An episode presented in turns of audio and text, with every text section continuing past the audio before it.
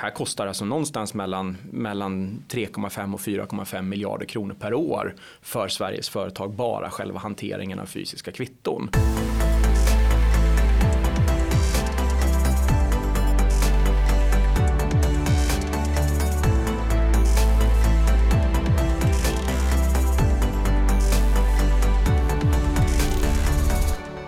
Erik Östman arbetar vid Företagarna som expert på regelförenklingsfrågor. Höga administrativa kostnader kväver företagande och företagande är ju det som skapar jobb, skatteintäkter och tillväxt och välstånd.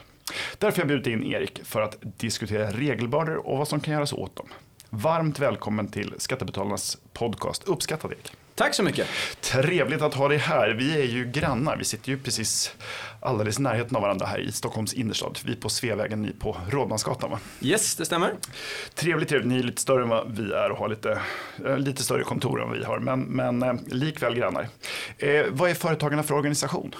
Företagarna är ju en medlemsorganisation för eh, Sveriges företagare. Vi pratar ju små och medelstora företag i huvudsak. Vi representerar väl ihop med våra branschförbund cirka 60 000 företagare.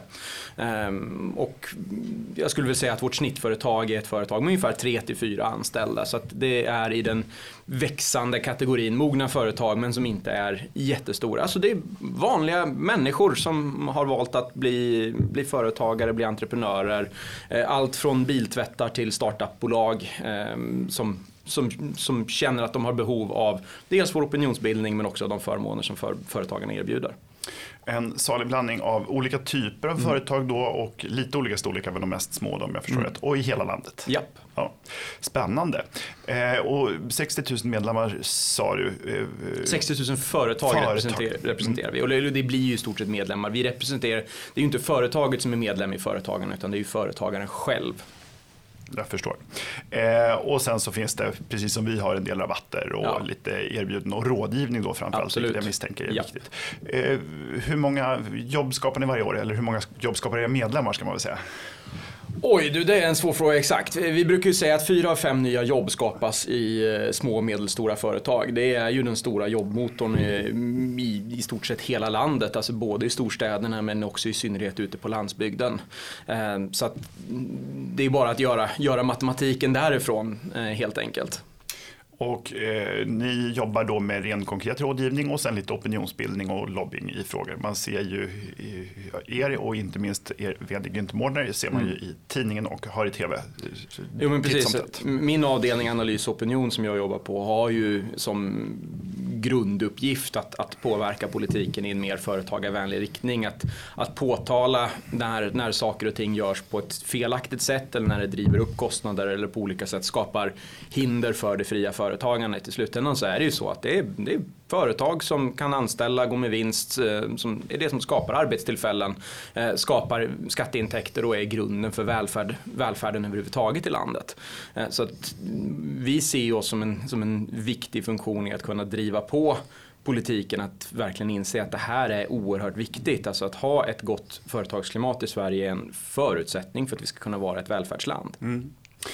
Eh, jag eh, läste precis Henrik Jönssons nya bok eh, Bli fri och han upplever att han var i USA och i London under ett, ungefär ett decennium och när han kom tillbaka hade bilden av företagande ändrats. Jag minns det från när jag var liten, jag kommer själv från en småföretagarfamilj, hur bilden ändå har blivit mycket mer positiv. Alltså när jag växte upp på 80-talet så var företagare nästan någonting suspekt. och idag är det ju faktiskt en mycket mer positiv bild. Men regelverken och, och skatterna mm. får man väl säga släppa lite efter. Det är mm. inte fullt så goda möjligheter som man skulle önska för de som eh, inte bara skapar jobb utan faktiskt också personer som eh, riskerar eh, mm. liksom, eh, både sina pengar men också sin tid. Eh, mm. Och utfallet är långt ifrån givet. Mm. Jag skulle vilja säga att eh, attityderna har ju förbättrats men de är ju långt ifrån eh, tillräckligt bra skulle vi säga. Så att företagare uppskattas inte alls i den, den omfattning som de egentligen borde göra. Så i synnerhet inte, det, det märker vi när vi har från våra medlemmar när de har varit i kontakter med, eh, med myndigheter, med kommuner och liknande. Att den här uppfattningen att det här är personer som skapar jobb och skatteintäkterna finns inte nödvändigtvis i det offentliga Sverige och inte inom delar av politiken heller. Vi ska ju bara tala om hur man har eh, utmålat företag inom exempelvis välfärdssektorn som ja. mer eller mindre som bovar och banditer eh, när, det, när det är snarare företag som hjälper till och driver på utvecklingen och, och skapar skapa goda förutsättningar. Så det, det, finns fortfarande oerhört mycket att göra. Ja, och, och, och en bristande förståelse för vad entreprenörskap faktiskt Absolut. innebär. Eh, jag tycker att den här senaste diskussionen om 3.12-reglerna, den debatten har ju varit helt, helt absurd tycker jag. Där behöver vi faktiskt mycket bättre villkor för företag. Och det visar ju också att sen, sen de här så kallade 3.12-reglerna där man kan plocka ut en del av vinsten eh, till lite lägre skatt är ju ett, eh, de företagen har ju vuxit och framförallt i antal anställda. Mm. De är en enormt viktig motor för mm. inte bara företagen själva utan också för hela Sverige och de som jobbar där.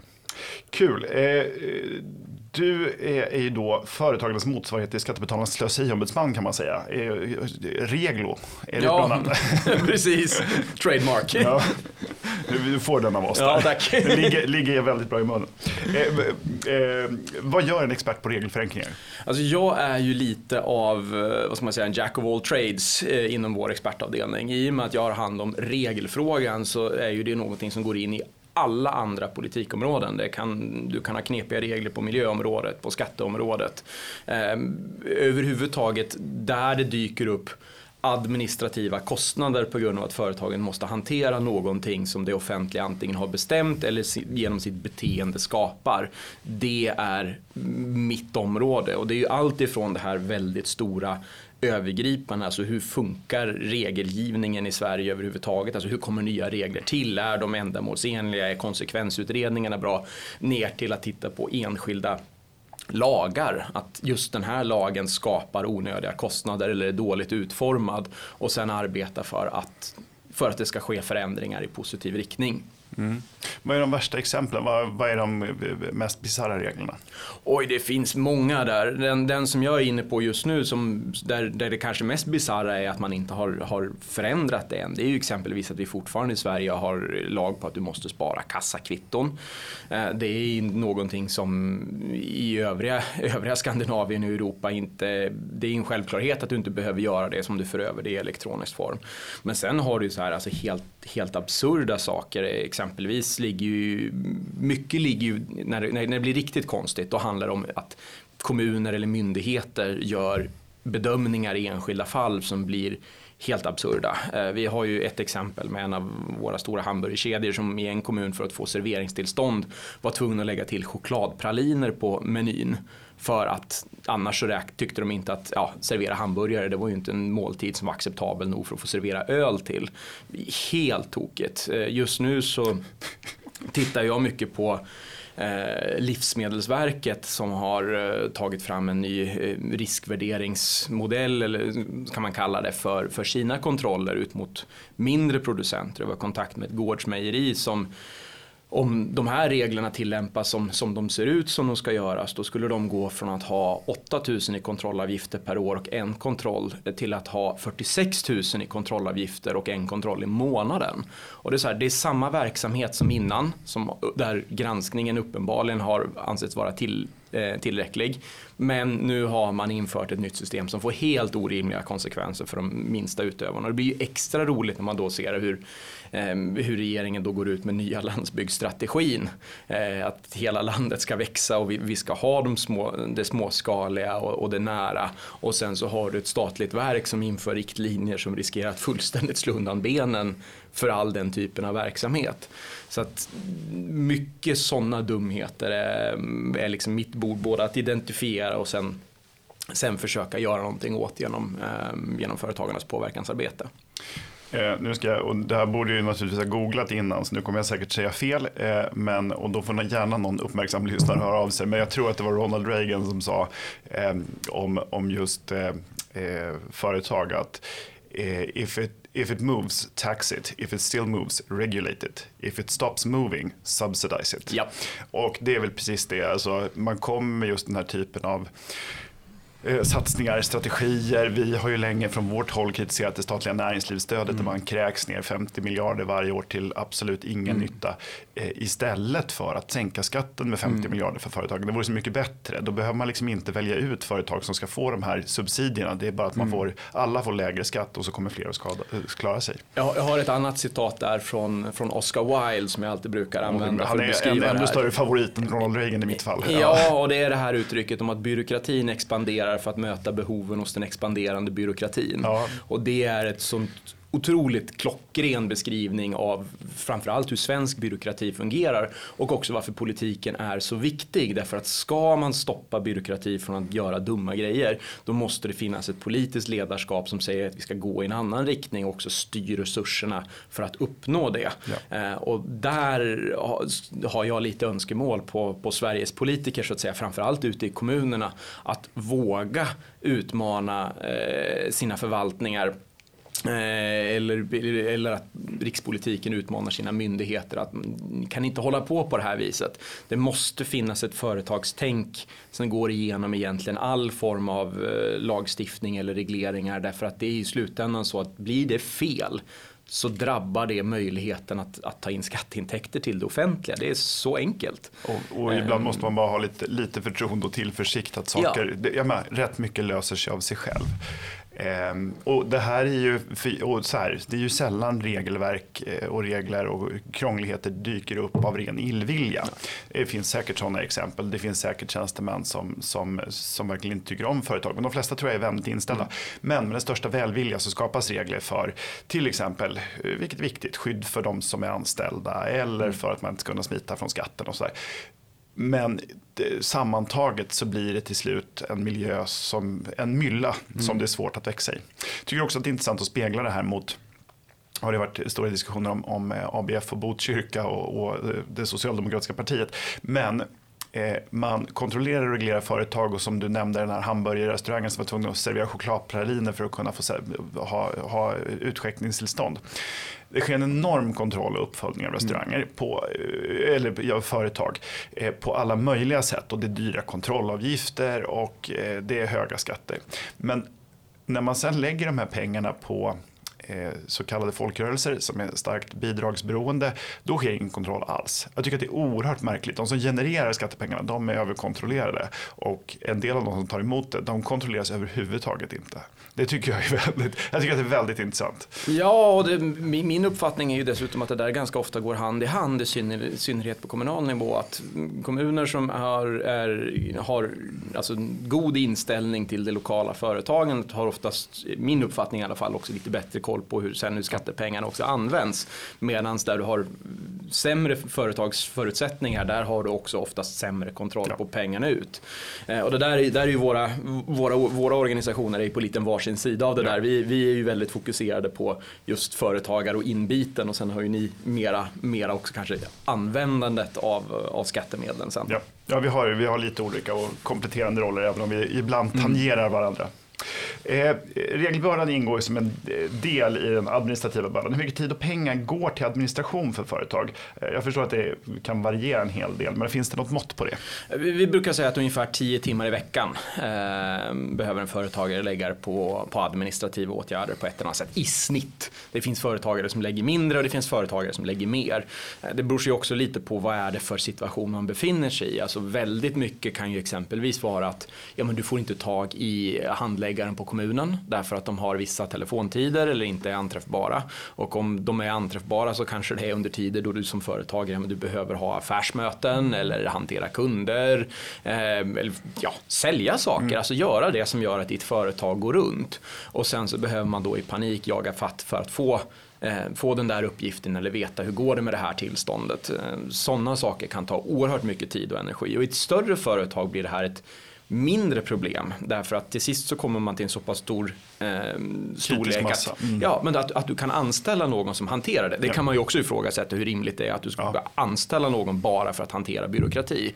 Men så ser det ut. Medan om du är en företagare med en eller två anställda, ja, men då, då finns det inte pengar att anlita en jurist till, till alla grejer utan då måste du göra saker själv. Och är du då inte utbildad inom det eller har erfarenhet av det, men då tar det extra mycket tid att hantera och det blir en broms bromskloss för att få företaget att växa. Och det blir väldigt dyrt om man ska anställa externa jurister ja. som dessutom ska läsa in sig och förstå din verksamhet. Ja. Eh, jag hörde en intressant, det är ganska länge sedan nu, det är nog 20 år sedan, så hörde jag en en föreläsning av en amerikansk ekonom som då beskrev att de stora företagen i USA, alltså de här riktigt stora drakarna, de eh, förespråkar gärna krångligare lagar och svårare mm. regelverk. Därför att det ger ju dem en komparativ fördel. Ja. Mycket svårare att skapa konkurrens eller vara en uppstickare på en marknad som är så reglerad så att det är bara riktigt stora företag med en kader av mm. jurister som, som kan verka på den. Då ja. slipper du konkurrens. Så det här är ju farligt för, dels för tillväxten men det skapar också mycket högre priser för konsumenterna. Ja, det, och det där är ett, eh, ett ganska stort problem skulle jag säga. Alltså när, när, när det är mer lönsamt för ett stort företag att ägna sig åt marknadspåverkan, regleringarna, ja. alltså skapa cost of entry för,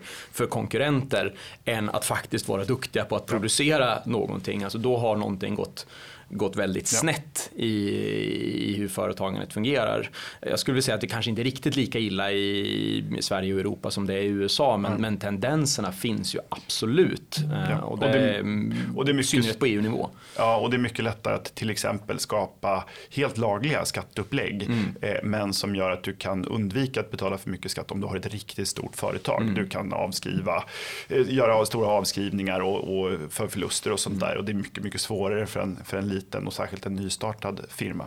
Eh, så det där är ju viktigt att se an och särskilt då som småföretaget växer och det är där ofta också nya idéer skapas.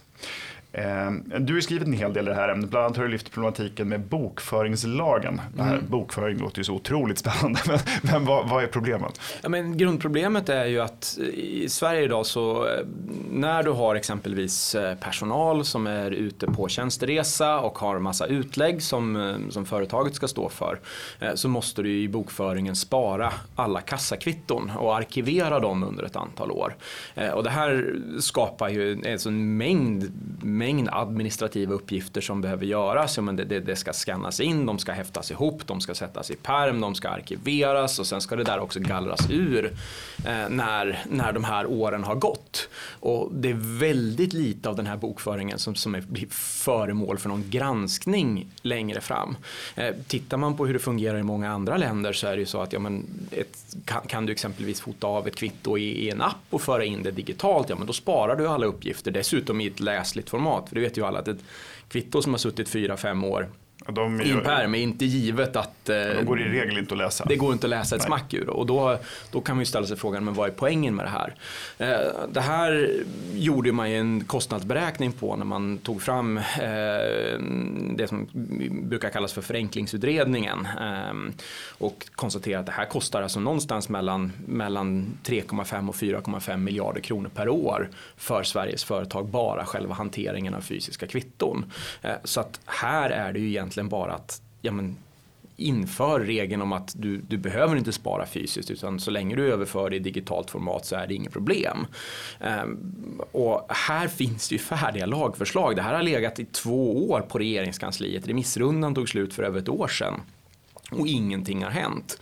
Och, och, det som frustrerar mig så mycket i det här är ju att det här var ju någonting som togs fram under den socialdemokratiska regeringen. Men den borgerliga regeringen har, som vi har nu har inte plockat upp det. Eh, för mig hade det varit den absolut enklaste åtgärden att genomföra när man har så ambitiösa skrivningar som man har både i Tidöavtalet och ännu mer ambitiösa när du pratar med enskilda företrädare för partierna. Eh, så förstår man ju inte riktigt, men hur kan man låta det gå det kommer i praktiken att gå minst ett år från det att man tillträdde innan man ens har en chans att införa det här.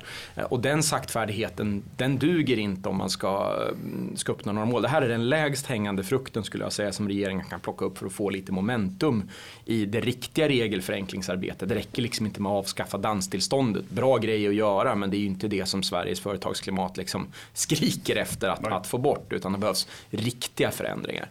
Inget ont om den men det, det finns ingenting som hindrar att man gör båda två. Nej, precis. Eh, ska vi en påminnelse till er som lyssnar där ute, om ni sitter, jobbar i regeringskansliet eller i riksdagen, piska på. Men om vi följer upp då den här eh, bokföringslagen. Mm.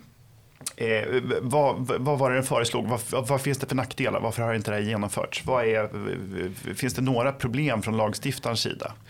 Inga uppenbara. Alltså, till och med Skatteverket är ju positiva till den här förändringen så länge man säkerställer att det är korrekt information som överförs digitalt. De argumenten som, som finns mot som har någon form av tyngd är ju att eh, kanske våra brottsutredande myndigheter anser att ja, men det kan vara bra att ha den fysiska eh, kvittot kvar. Man kan få sekundär information och kan använda det i utredningar. Men jag har inte sett några som helst siffror på hur ofta det här används, hur många fällande domar där det här har varit avgörande bevisning för. Eh, och rädslan som jag har lite grann, och det gäller inte bara bokföring utan det gäller faktiskt generellt hur den nya regeringen kommer jobba, är att när de brottsförebyggande åtgärderna är så otroligt högt prioriterade, vilket de borde vara, eh, så finns risken att så snart det är någon som kommer och säger att nej men det där kan vi inte ändra för vi har nytta av din brottsutredning, mm. så riskerar det att dras i långbänk. Även fast alltså samhällsnyttan att ha kvar det är långt mycket lägre än att faktiskt ta bort det och få en, få en positiv förändring. Så att det överhuvudtaget så hoppas jag på att, vi, att, att regeringen arbetar inte bara utifrån hur kan, vi, hur kan vi stoppa brott så mycket som möjligt utan har någon form av cost-benefit analys. Alltså att det här det, det, får liksom inte smaka mer eller kosta mer än det smakar eh, när man gör saker. Eh, och det är väl egentligen det enda. Eh, men som sagt, det här är ju att digital, digitaliserad bokföring. Det, återigen, det, Sverige är inte först ut, tvärtom. Vi är bland de som är sist ut. Och det funkar uppenbarligen bra i andra länder och då kan man ju verkligen ställa sig frågan varför har vi inte bara genomfört det här? Det, det, det borde helt enkelt göras. Eh, eh, hur vill företagen då angripa problemen med den här stora regelbördan? Finns det några metoder? Ja, det, det gäller ju både titta både på lång och kort sikt. Mm. Eh, och på lång sikt, där vill jag väl ändå ge, eh, ge nuvarande regeringen ändå lite, eh, lite cred. Att där känner jag att man är i alla fall på rätt spår. När man pratar om det här med att införa ett, eh, ett implementeringsråd för att se till att alltså, EU-lagstiftning inte blir överimplementerad i Sverige. Också snegla lite mot Danmark och deras, eh, deras regelforum. Eh, för att ha en central funktion som också utvärderar de regler som finns så att man systematiskt arbetar med förbättringar. Det är jättebra. Eh, men det är på lång sikt. Det där kommer ta ett par år tror jag innan det, vi överhuvudtaget börjar se några, några praktiska effekter som företagen märker. Eh, och då handlar ju i mitt fall väldigt mycket om att titta, men okej, vad kan göras innan dess? Vad finns det för lagstiftning eller regelverk som, som, som behöver ändras på? Och då är det ju, bokföringen är en sån sak, eh, personalliggare en annan, kassaregister, eh, avgifter inom våra myndigheter, myndigheter som granskar samma sak men har olika kravnivåer så att det blir omöjligt som företagare att göra rätt. Eh, att, att hitta de, de, praktiska fallen där vi kan påvisa att det här är konsekvenserna av att ni har en otydlig lagstiftning eller otydliga direktiv till myndigheter och sen driva på. För min uppfattning är ändå att man är, man är lyhörd eh, ute i, eh, eller nuvarande regering och, kan, och departementen är lyhörda. Men man vet inte riktigt var man ska börja. Eh, och där, där ser vi att vi kan fylla en funktion med att verkligen komma med att det här är sånt som Sveriges företagare faktiskt upplever som problem. Här har ni en möjlighet att göra någonting åt det. Just det, så lite one-stop shop, alltså ja. inte ungefär samma uppgifter till en, en, mängd olika myndigheter utan att man fyller i allting en gång. Ja, eller framförallt att se till att myndigheters lagstiftning eller, ja, eller myndigheters regler harmoniseras ja. med varandra så att det inte har det här, ja men att om man säger att Arbetsmiljöverket kommer in på en restaurang och säger ni får absolut inte ha lackat golv för det är livsfarligt. Och sen så kommer eh, Livsmedelsverket och säger ni måste absolut ha lackat golv för att eh, annars är det hälsofarligt. Och yep. Den typen av situationer ska ju inte kunna uppstå men det gör de på en del ställen fortfarande och det måste det bli ett stopp på. Mm. Det måste vara en synk synkronisering. Ja. ja. Det här påminner lite om när jag pratade med Kajsa Dovstad i den här podden som är på Timbro och jobbade med, med eh, hälso och sjukvårdsfrågor och beskrev hur hon som läkare fick fylla i liksom, samma patientuppgifter i liksom, sex olika system mm. istället för bara en gång. Eh, eh jag tror att det var Danmark nämnde men en, en modell för permanent regelförenklingsarbete. Hur skulle den kunna se ut? Ja, just nu är det ju Danmark som, eh, som står modell. Vi vet ju inte riktigt i vilken, vilken riktning regeringen vill ta det där. Det viktigaste som, som väl jag ser är att det måste finnas en ganska bred näringslivsrepresentation eh, i en sån funktion. Eh, och den måste ha mandat att, att driva på förändringar. Ehm, vi har ju någonting i Sverige idag som kallas för Regelrådet som ligger under Tillväxtverket ehm, som ju yttrar sig över konsekvensutredningar när, när eh, nya regler eh, tas fram, vilken effekt det här kan få på företag. Men, men där ser ju vi att även den funktionen skulle vi vilja stärka eh, så att den i alla fall åtminstone har möjlighet att eh, återremittera ärenden så att man är tvungen att göra saker. Annars blir det lite det här att ja, regelrådet de var inte nöjda med det här men vi tycker det är viktig lagstiftning så vi kör igenom det i alla fall. Eh, och då försvinner ju också lite av, eh, av den riktigt skarpa funktionen. Eh, och det tycker vi att det bör vara ganska hårda krav på att man måste faktiskt lyssna på de kontrollinstanser som finns när det handlar om regelgivning så att vi inte sjösätter saker som, som skapar onödiga problem. Ja, intressant. Eh, eh, bara att ha en funktion som regelråd är ännu roligare tycker jag att vi har ett verk för tillväxt. Det tycker jag, det, tycker jag, ja, men det, det, blir, det tyder men, på en felsyn. Jo, också, men lite, lite med tanke på mitt, mitt tidigare resultat där. Vi, vi, vi skapar byråkrati för att hantera byråkratin. Ja. Eh, och någonstans behöver ju det hanteras på ett vettigt sätt. Ja, och där krävs det ett politiskt ledarskap som är exceptionellt tydligt. Absolut, och, och som vågar utmana. Ja. Ehm. Och det här är ju inte bara på svensk nivå, det här är ju också på en EU-nivå. Oh, som absolut. är eh, förfärande i vissa avseenden. Eh, på företagens hemsida står det handläggningstider, service och bemötande samt antalet samråd mellan myndigheter och företagen bör vara en del av en årlig uppföljning. Varje ny administrativ pålaga bör utvärderas. Eh, är, det, är inte den uppföljningen en ytterligare administrativ pålaga? Ska den också utvärderas? Det här känns som vi kan nå en, eh, en oändlig cirkel. Ja, man, det går ju alltid att utvärdera så mycket som möjligt men det jag ändå vill liksom lyfta fram där är just alltså behovet av service, bemötande och dialog med företagen. Därför att det är inte nödvändigtvis så att det görs idag utan snarare tvärtom att myndigheten kommer och säger nu ska de göra så här och företagen säger men det där är ju inte bra, ah, tråkigt nu ska vi göra så här.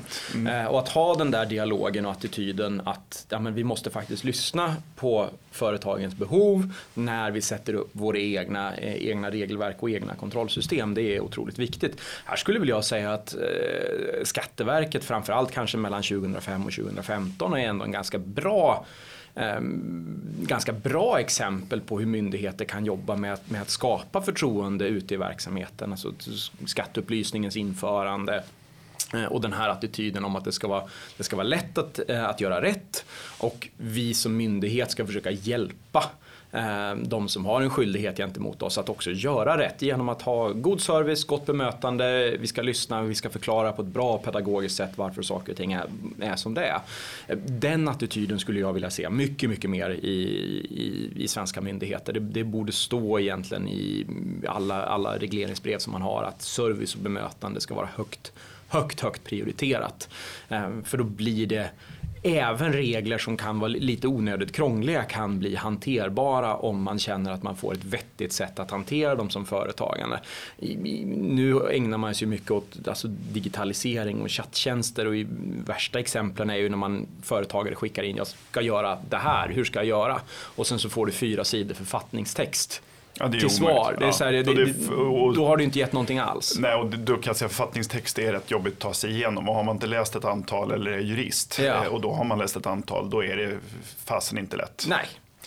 Ehm, ja, nej, eh, det, det, är, det är intressant att se hur, hur myndigheterna krånglar till det. Och som mm. sagt, vi har ju exempel när vi faktiskt bråkar med Skatteverket och där de gör fel. Men jag har precis samma upplevelse som du, att Skatteverket är, har rätt inställning i frågorna. Det kan ju, inte, det kan ju inträffa att det blir fel ändå, att man gör mm. felbedömningar och sådär. Men, men överlag så skulle ju den behöva den eh, attityden skulle mm. behöva finnas och inte minst på kommunal nivå uppfattar jag det. För att, eh, ganska ofta så blir det på en hög abstraktionsnivå på statlig nivå. Det är klart att det finns en massa lagar och mm. regler som, som, som stiftas men, men på kommunal nivå med tillståndsgivning och sånt där mm. så kan det ju handla om ja, att man har en, en, en tjänsteman som mm. faktiskt inte har en bra dag och att det därför blir tufft. Ja absolut och kommunerna har ju ett enormt arbete att göra.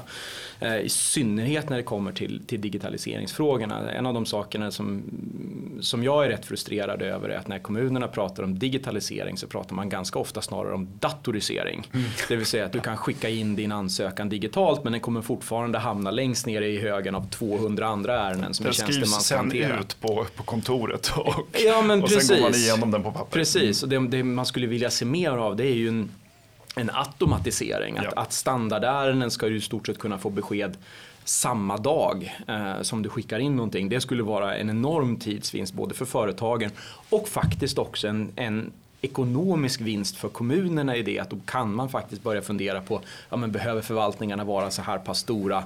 Eh, kan vi få bort mängdärendena så att våra handläggare kan ägna sig åt, eh, det, svåra. åt det svåra? Ja. Då får vi också en bättre kvalitet i, i handläggningen så att man har stora vinster att göra men då måste man också våga släppa eh, släppa kontrollen till automatiserade system. Det är ju faktiskt så att Sverige, vi berömmer oss ju ofta med mm. att vi är så eh, liksom, tekniktillvända och det stämmer ju när det gäller företag och befolkningen i stor mm. utsträckning.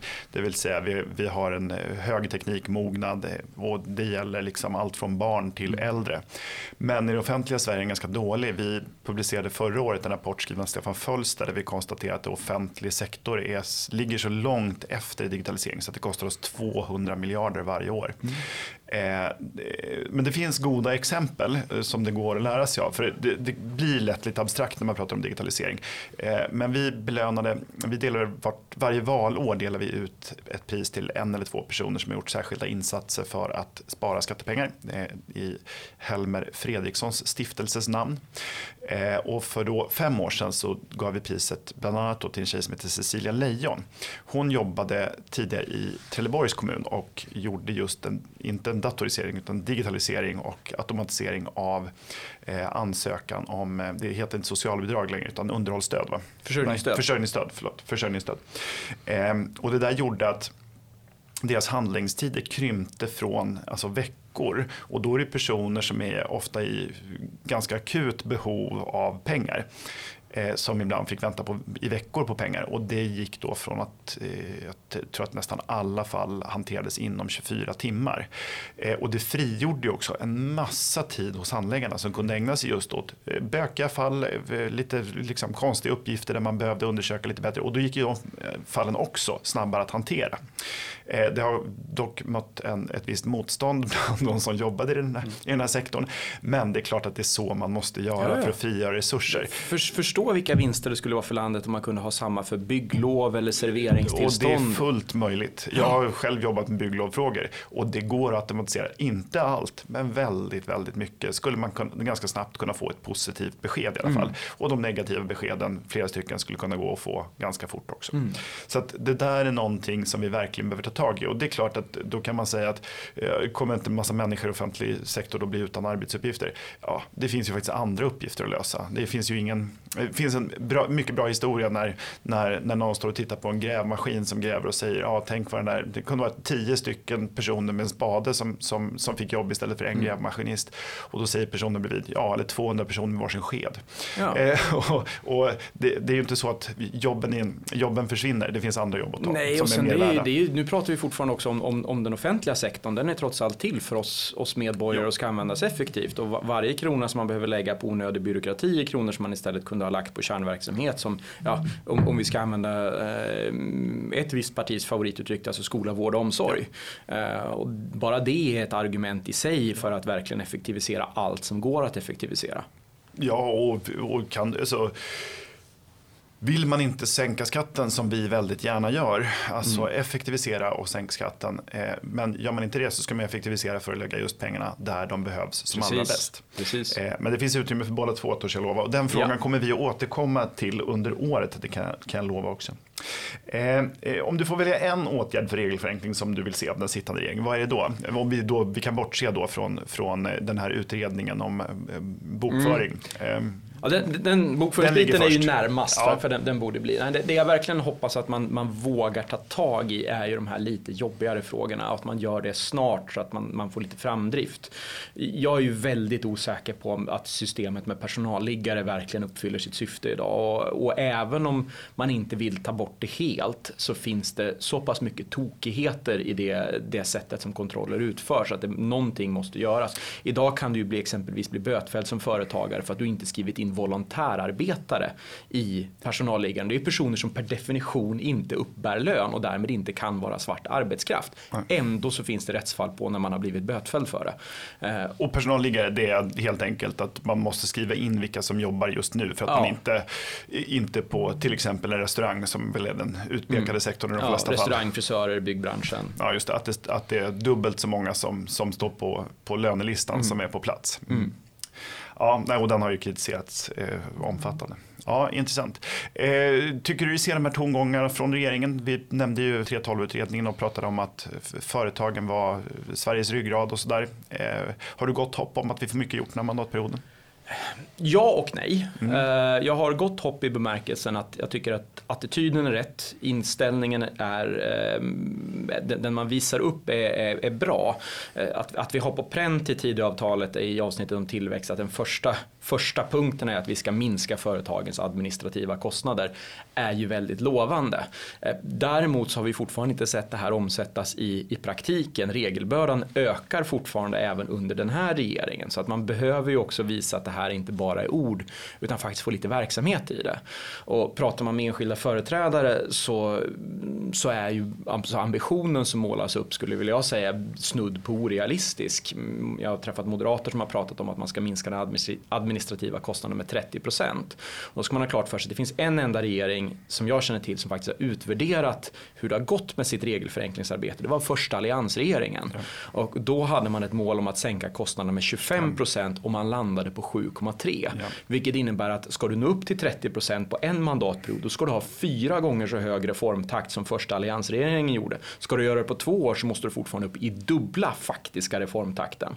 Eh, och det, det skulle krävas en offensiv på regelförenklingsområdet utan utan motstycke i svensk historia. Och, och, det, och det är här bilderna inte riktigt går ihop för mig. Att man målar upp så pass positiva och ambitiösa mål att, att det kanske inte blir realistiskt i slutändan. Så jag hade väl önskat att man från regeringens sida satt upp tydligare mål som också är rimliga att nå så att man har någonting att jobba mot. Men där å andra sidan, det är, det är ju oss också en möjlighet att faktiskt berätta för regeringen, det här kan ni göra för att få effekt så att ni i alla fall tar er en bit på vägen. Och peka på att man ska börja. Ja. Det vore ju synd om de började samla pinnar och, och göra enkla men inte så viktiga saker. Ja, jag tror att det viktigaste för regeringen är att börja få lite momentum i det. Att man får igenom en regelförenkling och upptäcker att oj då, det här kan ja. vi göra i flera fall och så man blir det en på en på en och så tar man sig an svårare och svårare regelverk.